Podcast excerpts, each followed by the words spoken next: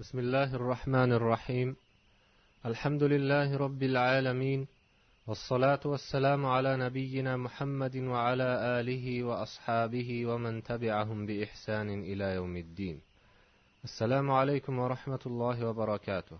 Aziz va muhtaram musulmon birodarlar ushbu dars imom navoiyning riyozi solihin nomli kitobidagi haj kitobiga qilingan sharhning davomi bo'lib unda ramazondagi umraning savobi yosh bolalarning haj qilishlari va o'zgalar o'rnidan haj qilish joizligi payg'ambar sollallohu alayhi vasallamning haj asnosidagi kamtarliklari va hajda tijorat qilish joizligi kabi masalalar haqida so'z yuritiladi.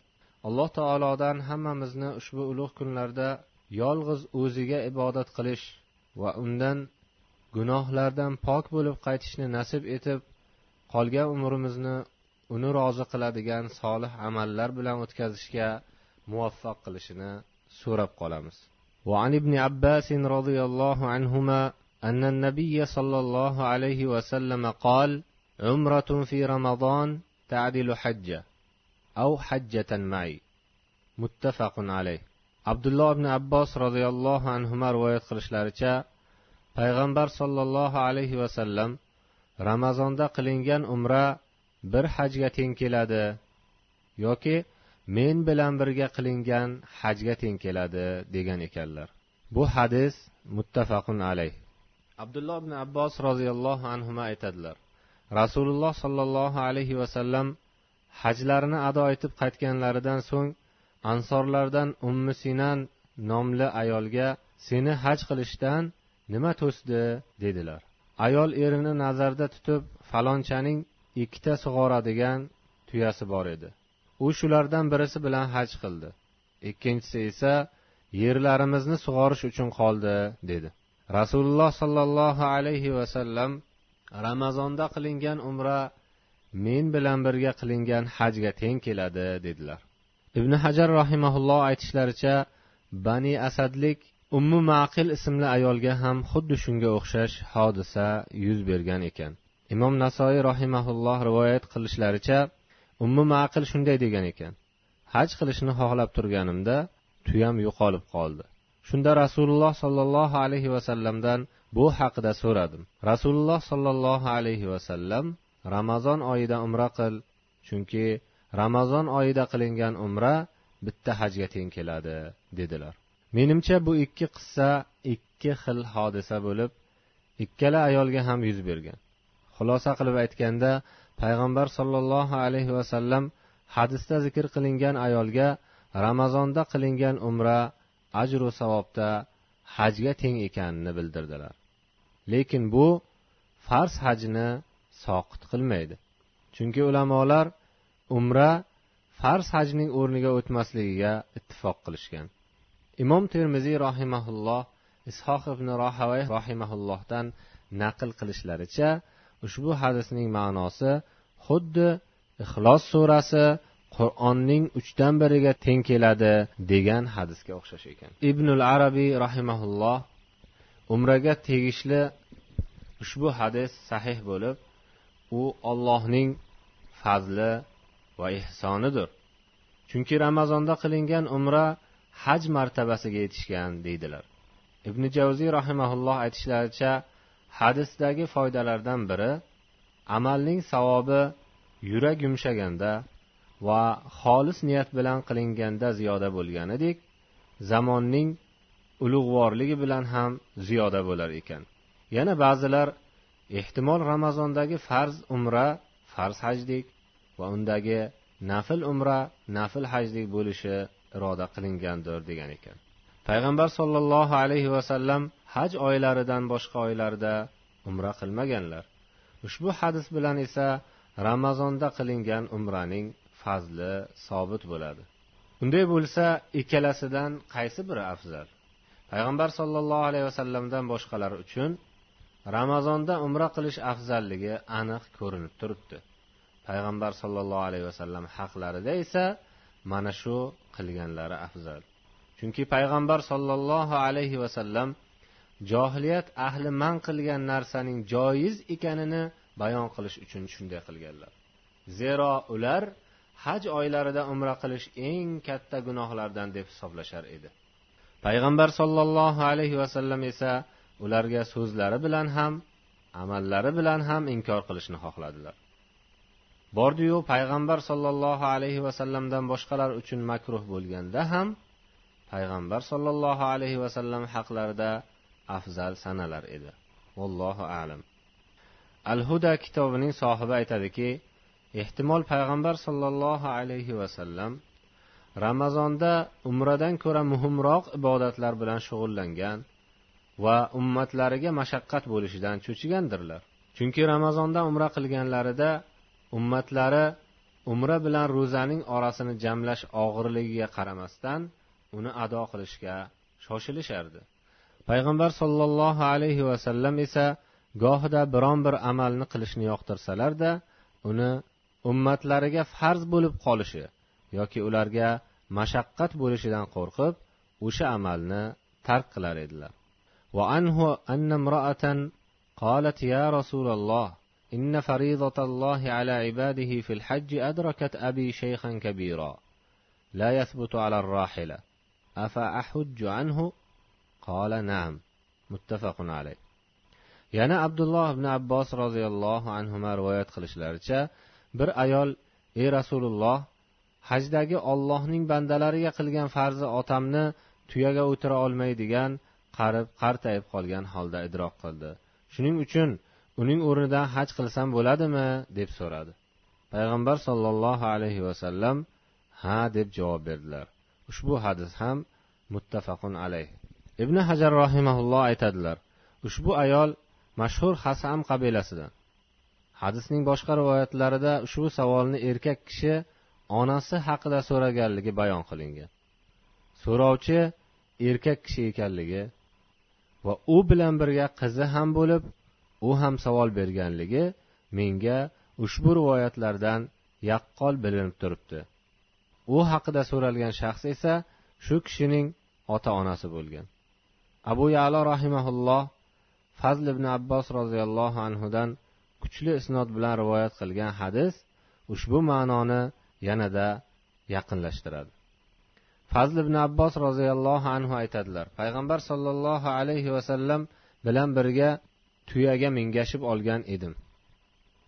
Bir arobiy o'zining go'zal bir qizi bilan birga kelib payg'ambar sollallohu alayhi vasallam nikohlariga olarmikanlar? degan umidda qizini ko'rsata boshladi. Men unga qarar edim. Payg'ambar sollallohu alayhi vasallam esa boshimni ushlab burar edilar. Payg'ambar sollallohu alayhi vasallam to jamratul aqabani otguncha talbiya aytar edilar. Shunga qaraganda u qiz mening otam degan so'zi bilan bobosini qasd qilgan bo'lishi mumkin. Chunki otasi u bilan birga edida payg'ambar sollallohu alayhi vasallam qiziga uylanishlarini umid qilib go'yoki otasi uni ko'rib gapini eshitishlari uchun shu savolni so'rashga buyurgan bo'lishi ham mumkin. Payg'ambar sollallohu alayhi vasallam unga rozi bo'lmaganlarini ko'rgach o'zi otasi haqida so'ragan bo'lishi mumkin. Shuningdek onasi haqida so'rashidan ham monelik yo'q. Ushbu rivoyatlardan ushbu shaxsning ismi husayn ibn avf al hasamiy ekanligi kelib chiqadi. Jumhur ulamolar hasamiya qissasining zohirini olib kim o'zga odamning o'rnidan haj qilsa ushbu haj o'sha odamning o'rnidan voqe bo'ladi deyishadi. Muhammad ibn hasan rahimaulloh esa hajni bajargan shaxsdan voqe bo'ladi. O'rnidan haj qilingan kishi uchun sarflagan nafaqasining ajri yoziladi degan ekanlar. Xuddi shu savolni abu razin laqit ibn omir roziyallohu anhu ham so'ragan ekan. Sunan sohiblari rivoyat qilishlaricha u kishi ey rasululloh otam hajga ham umraga ham kuchi yetmaydigan yoshi keksa kishi deb so'raydi. Payg'ambar sollallohu alayhi vasallam otangning o'rnidan haj va umra qil deb javob beradilar. Bu esa boshqa qissa bo'lib kim bu bilan hasamiyning qissasini bitta deb o'ylasa haddidan oshib takalluf qilibdi. Quyida bu hadisdan olinadigan ba'zi foydalarni aytib o'tamiz. Birinchisi o'zga shaxsning o'rnidan haj qilish joizligi. Kufalik ulamolar shu hadisning umumini e'tiborga olib o'zi uchun haj qilmagan kishi o'zganing o'rnidan haj qilsa haji durust bo'ladi deyishgan ekan. Ko'pchilik ulamolar esa bu hadisni avval o'zi uchun haj qilgan kishi bilan xoslashib bunga ibn abbosning sunanda rivoyat qilingan hadisini dalil qilishgan ekan. Hadisda aytilishicha payg'ambar sollallohu alayhi vasallam bir kishi shubrumaning nomidan talbiya aytayotganini eshitib undan shubruma kim? deb so'ragan edilar. U mening akam yoki qarindoshim deb javob berdi. Payg'ambar sollallohu alayhi vasallam o'zing uchun haj qilganmisan? deb so'radilar. U yo'q deb javob berdi. Payg'ambar sollallohu alayhi vasallam avval o'zing uchun haj qil keyin shubrumaning o'rnidan haj qil dedilar. Ikkinchisi fatvo so'rash yoki hukm va muomalalarda arzini aytishga o'xshash zarur hollarda ayol kishining begona kishilarga gapirishi va uning ovozini eshitish joizligi uchinchisi ota onaga yaxshilik qilish ularning hol ahvollariga e'tibor qilish va qarzlarni ado etish ularga xizmat qilish kabi diniy va dunyoviy manfaatlarni bajarish وعن لقيت بن عامر رضي الله عنه أنه أتى النبي صلى الله عليه وسلم فقال إن أبي شيخ كبير لا يستطيع الحج ولا العمرة ولا الظعن قال حج عن أبيك واعتمر رواه أبو داود والترمذي وقال حديث حسن صحيح laqit ibn omirdan rivoyat qilinishicha u kishi payg'ambar sollallohu alayhi vasallamga kelib otam hajga ham umraga ham safar qilishga ham kuchi yetmaydigan yoshi keksa kishi dedi payg'ambar sollallohu alayhi vasallam otangning o'rnidan haj va umra qil dedilar ushbu hadisni abu dovud va termiziy rivoyat qilib termiziy hasan sahih hadis degan ekanlar ushbu hadisga tegishli hukm va ma'nolarni oldingi hadisning sharhida zikr qilib undagi ba'zi foydalarni aytib o'tdik وعن السائب بن يزيد رضي الله عنه قال حج بي مع رسول الله صلى الله عليه وسلم في حجة الوداع وأنا ابن سبع سنين. رواه البخاري. صاحب ابن يزيد رضي الله عنه رواية قلب يتي وشلقم دا منجا رسول الله صلى الله عليه وسلم بلن برجا حجة الوداع دا حج قلدرشكان ديگن اكلر وشبه حدثنا امام بخاري رواية قيلر وعن ابن عباس رضي الله عنهما أن النبي صلى الله عليه وسلم لقي ركبا بالروحاء فقال من القوم؟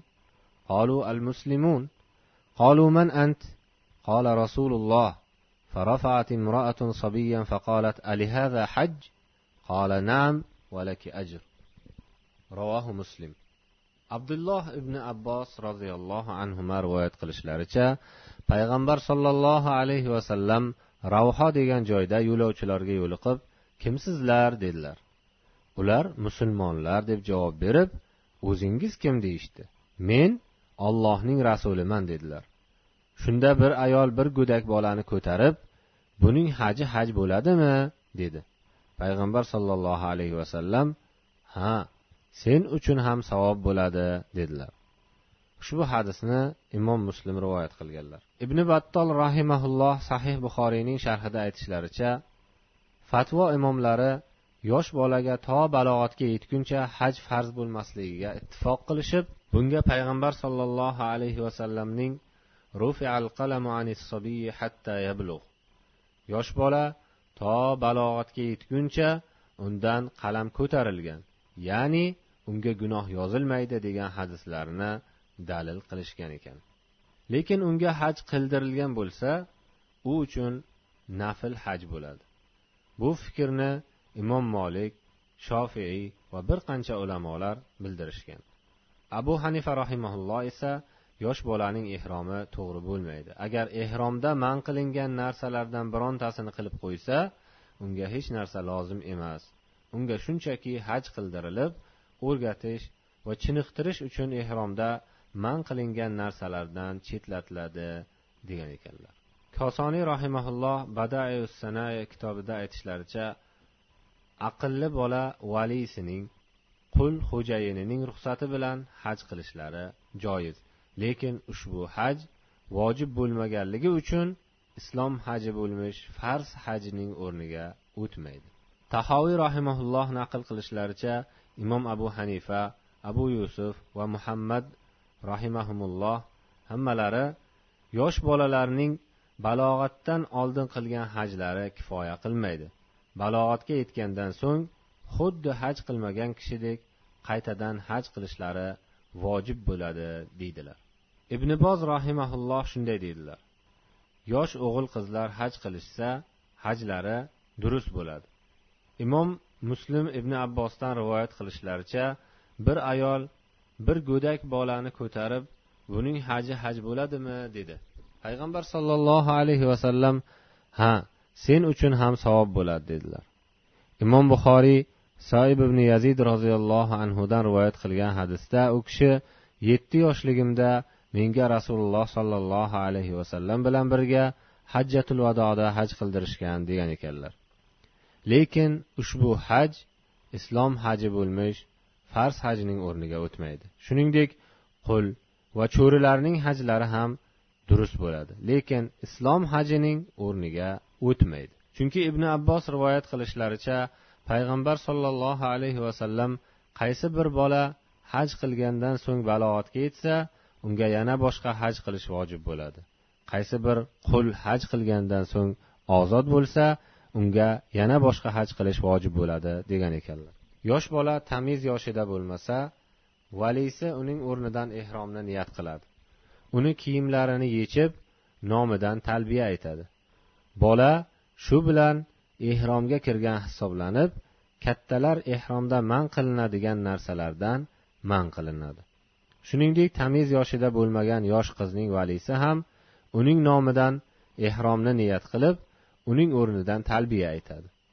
Yosh bolalar tavof qilayotganda kiyimlari va badanlari toza bo'lishi kerak chunki tavof namozga o'xshaydi. Namozda esa tahorat qilish shart. Agar tamiz yoshida bo'lsa valisining ruxsati bilangina ehromga kiradi. Ehromga kirishdan oldin kattalar singari g'usul qiladi va xushbo'ylik suradi. Vali bolaning kimi bo'lishidan qat'iy nazar uning mas'uliyatini o'z ustiga olib unga tegishli manfaatlarni ado etadi. Vali tosh otishga o'xshash bola ojizlik qilgan amallarni o'zi bajaradi. Arafada turish mino va muzdalifada tunash tavof va say qilish kabi hajning boshqa amallarini bolaning o'zi bajarishi lozim. Agar tavof qilishga kuchi yetmasa uni ko'tarib tavof va say qildiriladi. Bolani ko'tarib tavof qilayotgan shaxs tavof va sayni u bilan mushtarak qilmaganligi afzal. Ehtiyotkorlik sifatida o'zi uchun alohida va yosh bola uchun alohida tavof va say qilishi kerak. Agar ko'taruvchi shaxs tavof va sayni o'zi va bola uchun birgalikda niyat qilsa kifoya qiladi. Bu mana shu masaladagi fikrlarning eng to'g'rirog'i.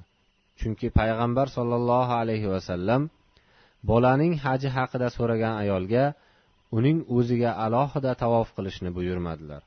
Agar shunday qilish vojib bo'lganda uni albatta bayon qilar edilar.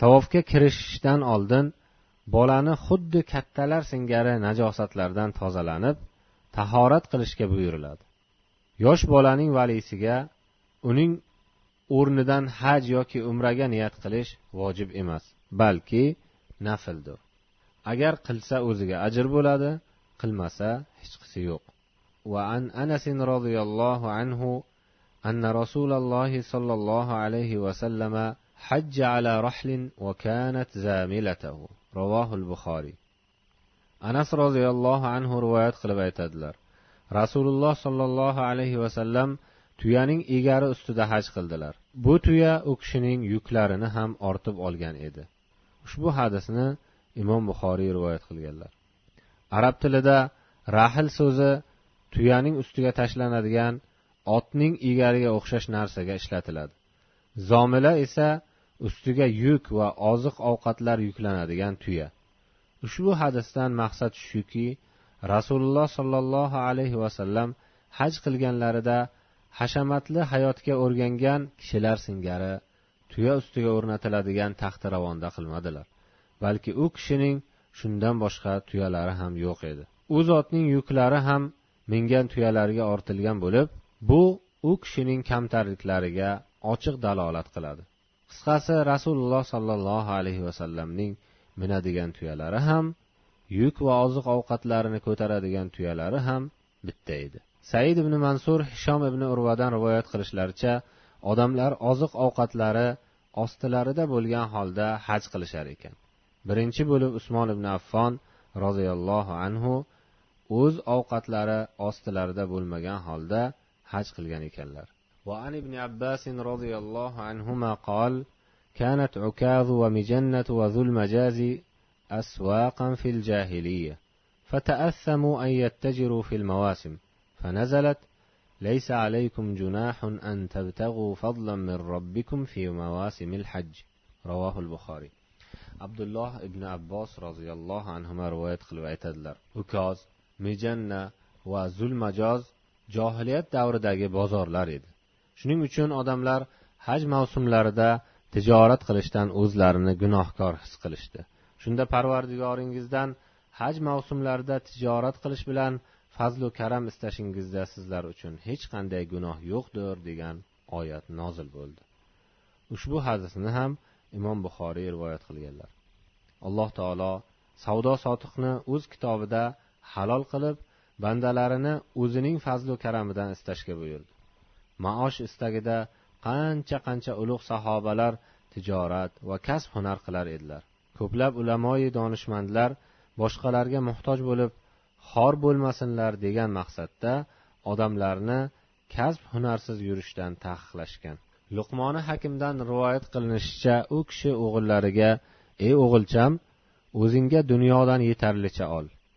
O'z kasbingdan oxirating uchun ham sarflagin va dunyodan butunlay voz kechmaginki boshqalar uchun qaram va dardisar bo'lib qolasan degan ekanlar. Demak odamlar islomdan oldin ham keyin ham tijorat bilan shug'ullanishgan.